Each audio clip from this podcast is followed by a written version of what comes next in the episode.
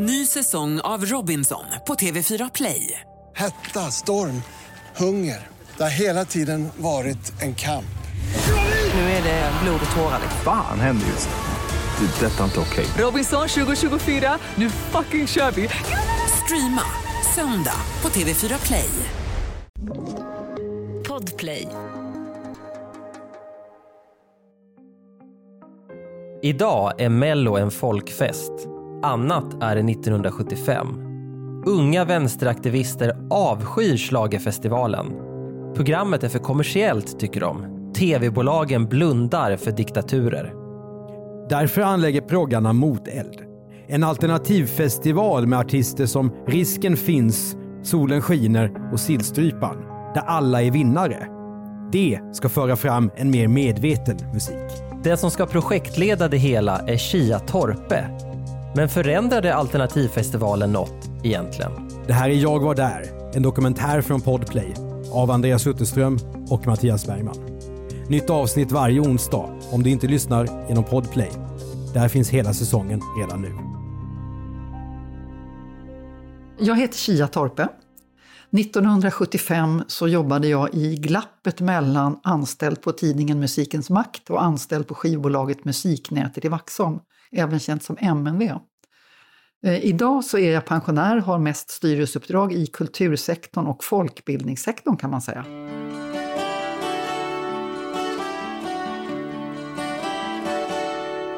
Här har vi en del att bena i.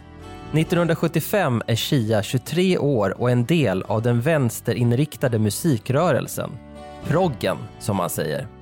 Jag hade kommit in i proggrörelsen via ett studenthem där jag bodde där jag träffade Greg Fitzpatrick som drog ut massor av oss ut till Vaxholm och hjälpte till att plocka skivor och så där. Greg Fitzpatrick, idag mest känd som pappa till Fiona i Rebecca och Fiona.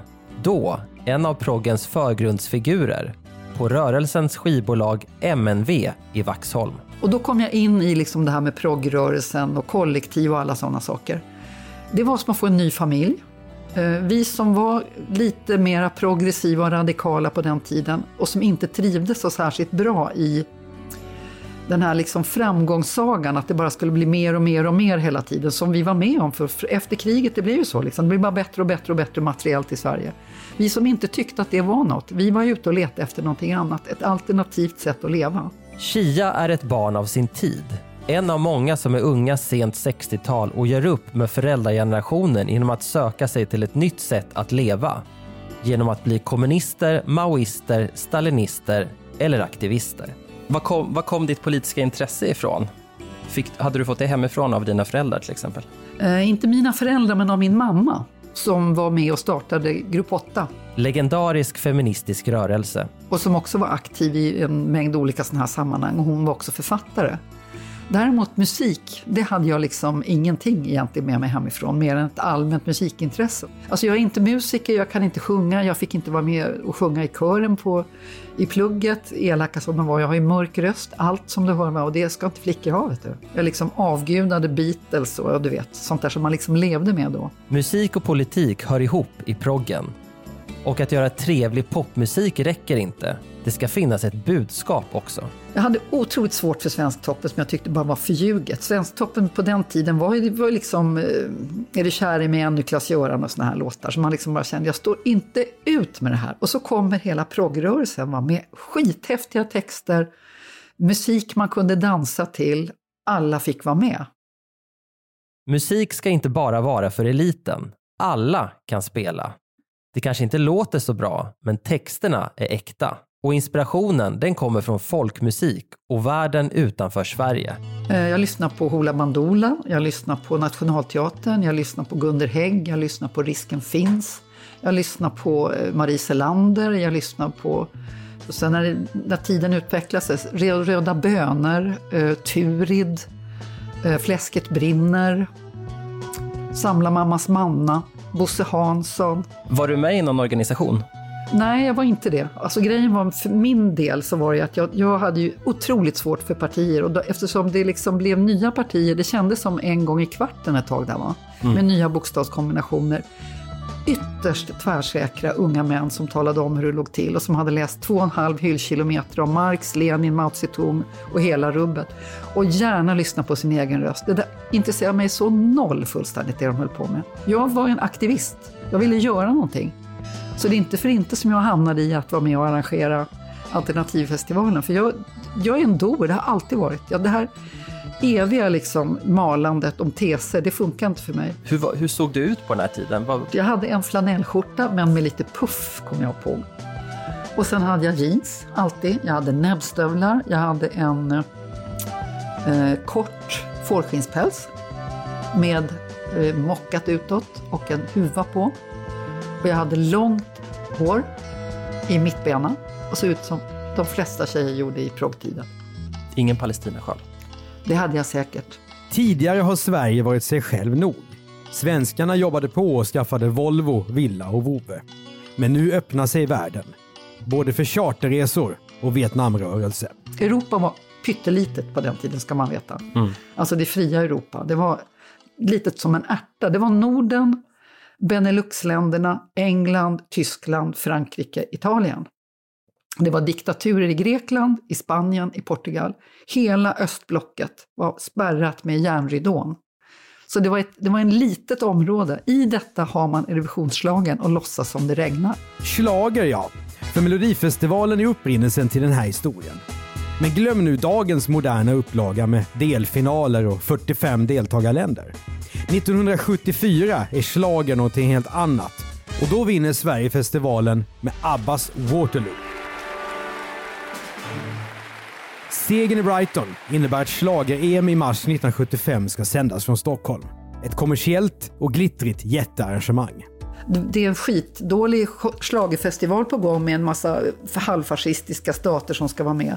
Då ska man ju vara medveten om att precis i den där vevan så gjorde Sylvia Vrethammar en låt som hette Eviva España. Och det var samtidigt som Franco torterade ihjäl folk i, i rätt hög utsträckning där nere, för det här sjöng han ju på sista versen. Och det där, liksom att göra en låt som heter Eviva España i samma veva som det, det kändes ju liksom, ja men nu får du väl ändå ge dig va? Ja, nu far fan i musikrörelsen. Som jag minns det så var det Roger Wallis, som precis just nu har gått bort, som tog initiativet till det. Han jobbade på MNV, han var med där och var en verkligen leading star där kan man säga. Och han jobbade också på Sveriges Radio. Och han tyckte liksom, vi gör något. Och så drog han den här idén för lite olika människor. Och jag tyckte, ja, det tillhör liksom grejerna när unga människor nu frågar en gammal pensionerad dam, hur har du kunnat göra så mycket spännande saker i ditt liv? Jag, säga, jag har alltid sagt ja när någon har föreslagit någonting, för jag tycker det är kul att säga ja och tråkigt att säga nej. Jag tyckte det var helt otroligt att man överhuvudtaget kunde få betalt för att göra det man tyckte var så fruktansvärt kul. Chia och hennes pojkvän Lasse är på. På vad? Jo, musikrörelsen ska göra sin egen festival. Alternativfestival 75 bildas. Vad var syftet med den här festivalen? Det var att visa på eh, hur den utslätade musiken som inte tar ställning också bidrar till att upprätthålla ett orättvist samhällssystem och att musik har en enorm kraft. Och den kan man använda på olika sätt. Så en artist som säger “Jag är inte intresserad, jag är inte insatt, jag skriver därför om kärlek”. Köper du inte det Jo, argumentet? då, det gör jag. Att eh, den skriver om kärlek köper jag, men däremot att den inte har, det inte har med politik att göra, det köper jag inte. De som, som gör musik bara för att tjäna pengar eller bara för att liksom få folk att liksom softa ner nu. Men man måste vara medveten om att den fyller en funktion hela tiden. Men det, det är, det, det är ganska stränga krav ändå. Jo, men den gör alltid det. Det är inga krav, den gör alltid det. Och att det är just Abbas seger som ser till att schlagen ska gå i Sverige, det får ändå en särskild vikt. ABBA var ju symbolen för väldigt mycket. Och det, den mest insiktsfulla utav de fyra ABBarna brukar ju vara Benny Andersson. när Han säger jag kan förstå att det var provocerande för att vi, vi, hade, vi uppträdde alltid med kläder som var, det var ju verkligen plast liksom och paljetter och grejer och höga platåskor och det var liksom och det var inte de som var de mest provocerande, för de var ju skickliga musiker, det var ju ingen som kunde ta ifrån dem. Det var Stickan Andersson, deras manager och deras skivbolagsdirektör, som avskydde det vi stod för. De sa aldrig i livet, de kan inte spela, de är värdelösa, jag tänker aldrig göra några skivor med dem. Alltså han tog ju så avstånd från allt vad progmusiken hette. Så det du säger här, om jag tolkar det rätt, är att det handlar inte om ABBA, men ABBA symboliserar någonting större som ni var kritiska till. Absolut. Mm. Alltså att göra, pengar för, göra musik för pengars skull och inte vara med och ta ansvar för någonting. Tror du att det fanns eh, folk i eh, de vänsterkretsar där du umgicks som lyssnade på ABBA i smyg? Nej, inte i smyg, utan Nej. ganska öppet. Okej, Ja. och det var liksom okej så att säga. Ja, alltså det var, folk gillar ju musik va. Mm. Och sen kunde man ju tycka att de där texterna var ju fan att de inte kan va. Men Mm. det är ju, de är ju oerhört bra att dansa till till exempel. Den internationella musikindustrin gör musiken till en handelsvara. Och Sveriges Radio, de sänder alltså detta för licenspengarna. Det som vi gemensamt betalar. Och det är helt förkastligt, tycker musikrörelsen. Och detta ska deras alternativfestival protestera mot. Alltså jag tycker fortfarande att det här var fantastiskt att vi gjorde det. Att vi drog det i land, att vi kom på det. Eh, vi startade en alternativ eh, schlagerfestival och vi gjorde det just så att vi faktiskt byggde upp det med att det var artister från alla Europas länder som var med. Så brukar man säga att det här var en protest mot ABBA och det är ju verkligen att förminska det vi gjorde. Ilskan leder nu till handling. Rikskonserter och Stockholms stad bidrar med pengar. Sex dagar av teater, manifestationer, panelsamtal om kommersialism i kulturen. Och så musik lite överallt. alla tänkbara jazzorganisationer, körorganisationer, skivbolag, Sveriges Radios eh, frilansavdelning, Sveriges Radios producentförening. Ja, det var bara Rikskonsert, alla var med kan man säga. Chia och pojkvännen Lasse blir avlönade för att jobba med festivalen. En lokal hyrs vid Adolf Fredriks kyrka, mitt i Stockholm. Och eh, ja, sen träffades vi där uppe på Musikcentrum runt ett stort bord. Det var väl då en jäkla massa folk. De satt där i hörnen, jag kommer ihåg jazzmusikerna satt där och drack te trodde jag, men de drack konjak i temuggar. Och så bestämde vi vad vi startade, när ska vi köra? Och så bestämde vi att vi kör samtidigt som, som eh, Schlagerfestivalen är och vi, vi ska göra en tidning, vi ska göra ditt, vi ska göra datt. Och sen så delar man upp det. det, var ju det alltså, vi litar ju så oerhört mycket på varandra så det fanns ju liksom ingen VD för det här utan ni tar det och ni tar det och vi tar det och vi tar det. Och folk kom med olika initiativ, men det, det sköter vi. 17 till 22 mars 1975. På Münchenbryggeriet pågick det, cirkeln på ABF-huset, på Kulturhuset var det, det var på Fasching, det var precis när Fasching startade. Och runt om i hela landet. Och vi liksom, tv följde det och skulle göra sina grejer. Alltså det var ju, det hände ju väldigt mycket saker. Själva höjdpunkten ska såklart bli musikarrangemanget där artister från olika länder ska spela på scenen. Precis som i den kommersiella schlagerfestivalen. Och sen kom vi på det där med tält, det skulle ju kunna vara skitbra. Det kan vi ju smälla upp, det kan vi hyra ett. Och så, vi kunde ju ingenting. Men vi fick kontakt med ett gäng som sa vi kan hjälpa er att sätta upp det. Alltså de som ägde ett tält och kunde hyra ut det. Det stod på Storängsbotten, alltså vid de här tennishallarna kan man säga. Mellan tennishallarna och stadion ligger det ju där. Det, var, det är sådana här cirkusområden där Cirkus Scott brukar uppträda. Eh, det var ju spännande. I tidningarna är uppsnacket inför alternativfestivalen stort. De unga journalisterna är inte sällan själva med i vänsterrörelsen, vilket säkert också gör sitt till. Oavsett om man gillar progg eller inte så vet alla vad musikrörelsen är. Men till skillnad från den kommersiella skivindustrin så vet ju inte Shia och hennes idealistiska vänner riktigt hur man gör. Det blir nu många, många timmar av slit. Tält ska fixas och byggas. Artister ska bokas. Kanske måste man också fixa ett och annat tillstånd från myndigheter. Jag kommer ihåg att dagen innan själva stora eh, grejen i tältet var, då eh, kände jag bara att det här, alltså på den tiden existerade ju inte det som utbränd och utmattningsdepressioner och sånt. Det, men då kände jag bara så här, nu måste jag göra någonting för annars kommer jag att klappa ihop på något sätt. Då gick jag till Centralbadet som inte var som det är nu utan som var ett gammaldags sånt där ångbad och sådär. Där satt jag i tre timmar, det var ju smart gjort av mig. Och sen kom jag ut som en ny människa. Ny säsong av Robinson på TV4 Play. Hetta, storm, hunger. Det har hela tiden varit en kamp. Nu är det blod och tårar. Fan händer just nu. Det. är Detta är inte okej. Robinson 2024, nu fucking kör vi! Streama söndag på TV4 Play. Ett poddtips från Podplay. I podden Något Kaiko garanterar östgötarna Brutti och jag, Davva, dig en stor dos skratt. Där följer jag pladask för köttätandet igen. Man är lite som en jävla vampyr. Man har fått lite blodsmak och då måste man ha mer. Udda spaningar, fängslande anekdoter och en och annan arg rant. Jag måste ha mitt kaffe på morgonen för annars är jag ingen trevlig människa. Då är du ingen trevlig människa, punkt. Något Kaiko, hör du på Podplay. Därför är gardinerna. Morgonen fredagen den 21 mars. Chia och hennes kille ska till andra änden av stan och köra Alternativfestivalen. Klockan 17 ska tältduken dras åt sidan. Det var ju för helvetiskt. Så när vi gick hem på natten, dagen innan vi skulle vara, och då växte krokusarna i Berzelii park. När vi vaknar på morgonen så ligger det en decimeter snö, blötsnö. Och vi bara far upp ur sängen och skriker ”Tältet!” För du vet, så mycket snö ovanpå ett jättelikt tält. Va? Det är ju fruktansvärt tungt. Och hur skulle vi få bort det där? Det var ju, och då kände jag verkligen, hur ska det här gå? Jo då, det går. Byggfläktar och lite provisorisk skottning får bort snön. Och sen brakar det loss.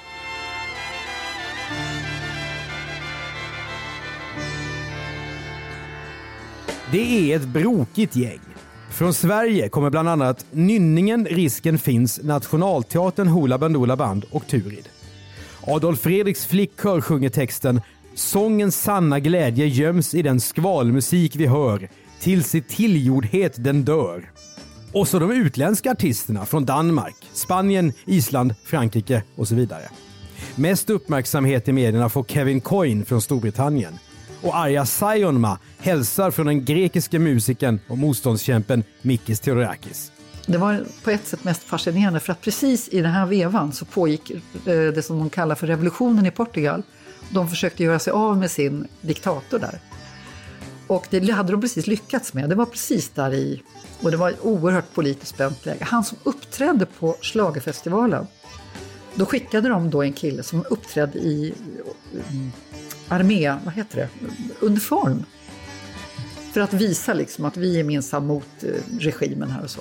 Han kom till oss och uppträdde, han var vårt Portugalbidrag också. Han, så han var både Schlagerfestivalens och vårt Portugalbidrag.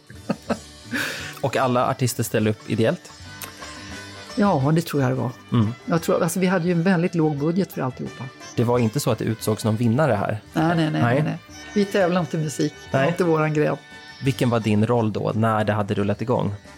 Eh, jag vet att jag några gånger stod och presenterade vilka grupper det var och sådär. Och också, du vet, var välkomna fram och dansa om ni vill och sådär. Och sen dessutom, jag var ju roddare. Vi var ju inte så himla många, så jag for ju runt och letade efter mikrofoner och drog sladdar och sådär. För det, var ju, det handlar ju om ganska snabba byten. Få ser nog idag hela programmet även om det finns på SVTs Öppet arkiv. Men ett musikinslag med Ulf Dageby från Nationalteatern har blivit odödligt. När sillstryparen, han heter inte sillstryparen inte för inte, vet du. Du vet var namnet kommer ifrån? Nej? Det är för att i låten finns det ett uttryck som heter garotta di anchovis. Alltså, och garott, garottering är en tortyrmetod och också ett sätt att avrätta människor där man trycker in en spets i mellan halskotorna. Långsamt skruvar man in den. Så oerhört plågsamt och rätt vad det är så går ryggmärgen av och då dör man. Det var det sättet som de hade använde som avrättningsmetod i Spanien på den tiden. Som ju var ett fascistland. Och det där, liksom att göra en låt som heter Eviva i Spanien i samma veva som det, det kändes ju liksom, ja men nu får du väl ändå ge det va. Så det är nästan alltid man klipper ut det är sillstrypan. Och så blir det det, ja men det var sjaviga människor som liksom kommer och låter så, det är ju en jätteparodi. Toviga idealister. Ja men alltså det är ju en jätteparodi, det vi gjorde var ju inte en jätteparodi på Schlagerfestivalen egentligen, men den låten är det. Och den fyllde verkligen sin funktion. Men det var ju bara ett litet brottstycke av allting som skedde i hela landet. Vad säger du till den som går in på Öppet arkiv på SVT och tittar på Alternativfestivalen och tycker att det här är lite parodiskt och nästan pajigt? Vad är det en sån person missar? Ja, dels är det ju lite pajigt när man tittar på det. Det får man ju lov att erkänna. Och det ser ju på det sättet så töntigt ut. Man missar till exempel det här att det är musik från alla länder. Man missar hela det ska vi säga, budskapet om att musik är någonting mer än bara tidsfördriv. Och någonting som man liksom försöker pigga upp sig med under en kort stund. Utan att det ligger, och att man missar också hela tanken kring hur fungerar hela den här skivindustrin och industrin runt musik, vilka som tjänar pengar och vilka som inte får komma fram och sådär. Ny säsong av Robinson på TV4 Play. Hetta, storm, hunger. Det har hela tiden varit en kamp. Nu är det blod och tårar. Fan händer just nu. Det. Detta är inte okej. Robinson 2024, nu fucking kör vi! Streama söndag på TV4 Play. Ett poddtips från Podplay. I fallen jag aldrig glömmer djupdyker Hasse Aro i arbetet bakom några av Sveriges mest uppseendeväckande brottsutredningar. Går vi in med hemlig telefonavlyssning och, och då upplever vi att vi får en total förändring av hans beteende. Vad är det som händer nu? Vem är det som läcker? Och så säger han att jag är kriminell, jag har varit kriminell i hela mitt liv men att mörda ett barn, där går min gräns. Nya säsongen av Fallen jag aldrig glömmer på Podplay. Tusentals människor deltar i något av Alternativfestivalens arrangemang. Det blir ett av de mest kända evenemangen under hela proggeran. Men den är inte slut i och med att Chia stängt av PA i tältet. För dagen efter ska den europeiska schlagerfinalen äga rum i Älvsjömässans lokaler i södra Stockholm. Och då ska Chia och 5000 andra demonstrera på Sergels torg. Eh, Jag var på demonstrationen, den kommer jag ihåg för att det var, då på den tiden fanns Marias enmansorkester. Vi hade ju sökt demonstrationstillstånd men det sket ju hon i så hon satt ju där och spelade sina frireligiösa sånger. Maria Johansson, en missionär som i åratal sitter på plattan och spelar religiösa sånger på sin elorgel. Min enda längtan är att Det gick inte att prata med henne, va? hon vägrade Nej. stänga av. Liksom. Ja. Och vi hade ju egen musik och egna grejer. Hon, och det var ju ingen måtta på hennes låda där. Då kommer jag ihåg att en mycket handlingskraftig kamrat till mig, allt är preskriberat som man kan säga nu, det var Greg Fitzpatrick, han som drog in mig i hela musikrörelsen också. Han skaffade snabbt fram en eh, mycket tung avbitartång. Klipp, sen var hon tyst. Från Sergels torg går demonstrationen ner till Älvsjömässan för att protestera mot schlager-EM. De spelar dragspel och skanderar att Sveriges Radio ska ta sitt ansvar för musiken. Och där hade vi, delade vi ut flygblad kommer jag ihåg. Det var, allting var ju väldigt vänligt sådär, men de var ju livrädda för oss. Ja, de flesta var mer vänliga och tog det och sa ja, ja, man tycker olika liksom. Mm. En del var ju spyfärdiga och jättearga och en del sa var bra. Det var verkligen, men majoriteten var bara sådär lite lagom ljummet intresserade. Sex dagars vildvuxen folkfest och kulturpolitisk protest är över. I slagen kommer förresten Sveriges bidrag, Lasse Berghagen med Jenny Jenny, näst sist. Faktum är att Chia Torp och hennes vänner blir vinnare. För året efter, 1976, sänds inte slagen alls i TV. Men Alternativfestivalen blir inte tändhatten på en vänsterpolitisk bomb.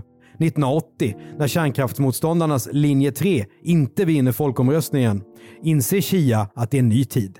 Högervindar blåser.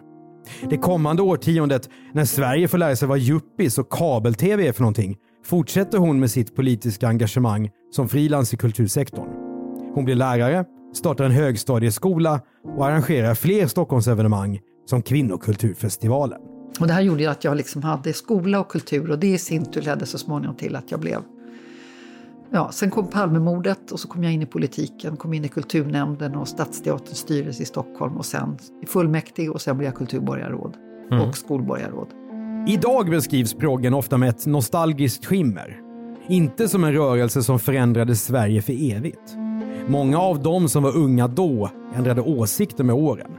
Men med tanke på alla timmar av engagemang, diskussioner och demonstrationer var det värt arbetet. Ja, absolut. Alltså, jag, menar, nej, alltså, jag är jättestolt över vad vi gjorde. Jag var stolt då, jag är stolt nu. Jag tycker det var... Alltså det här att vara aktivist och att visa upp någonting och att visa så här skulle man kunna göra istället. Inte vara, det här är ju inte terrorist man är då, utan det är ju raka motsatsen. Man visar på ett alternativ istället. Så här skulle vi vilja att det var. Det tycker jag är hedervärt. Det spelar ingen roll nästan vad det är man gör, men att det är ju någonting som är, ska man säga, framåtsyftande.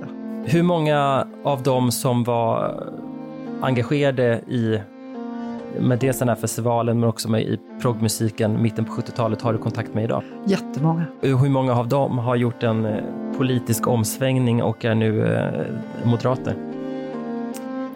Inga av dem som jag har kontakt med. Mm.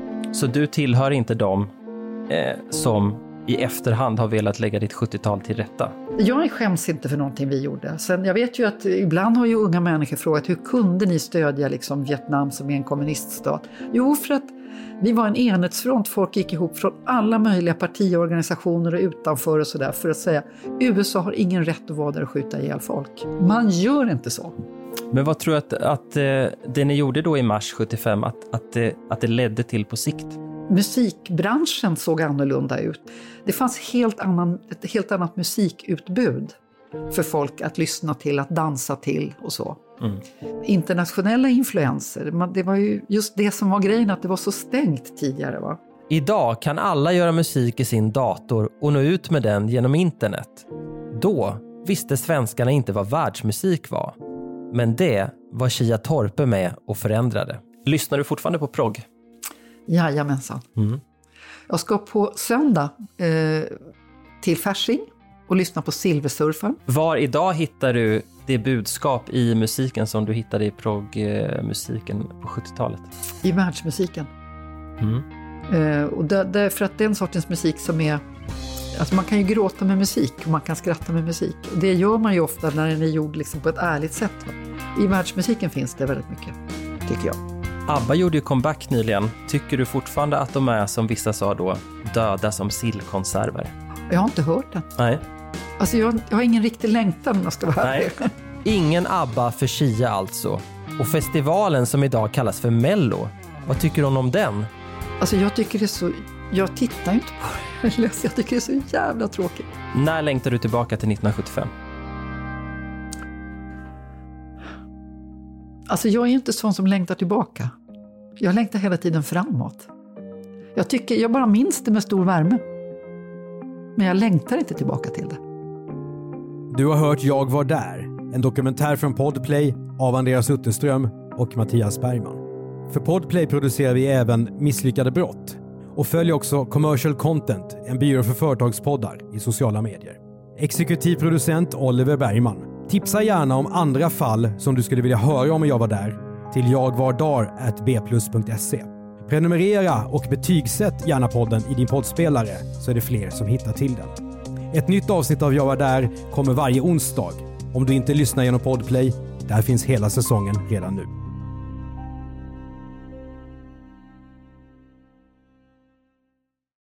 Ny säsong av Robinson på TV4 Play. Hetta, storm, hunger. Det har hela tiden varit en kamp. Nu är det blod och tårar. Fan händer just det. Det är detta inte okej. Okay. Robinson 2024, nu fucking kör vi! Streama söndag på TV4 Play.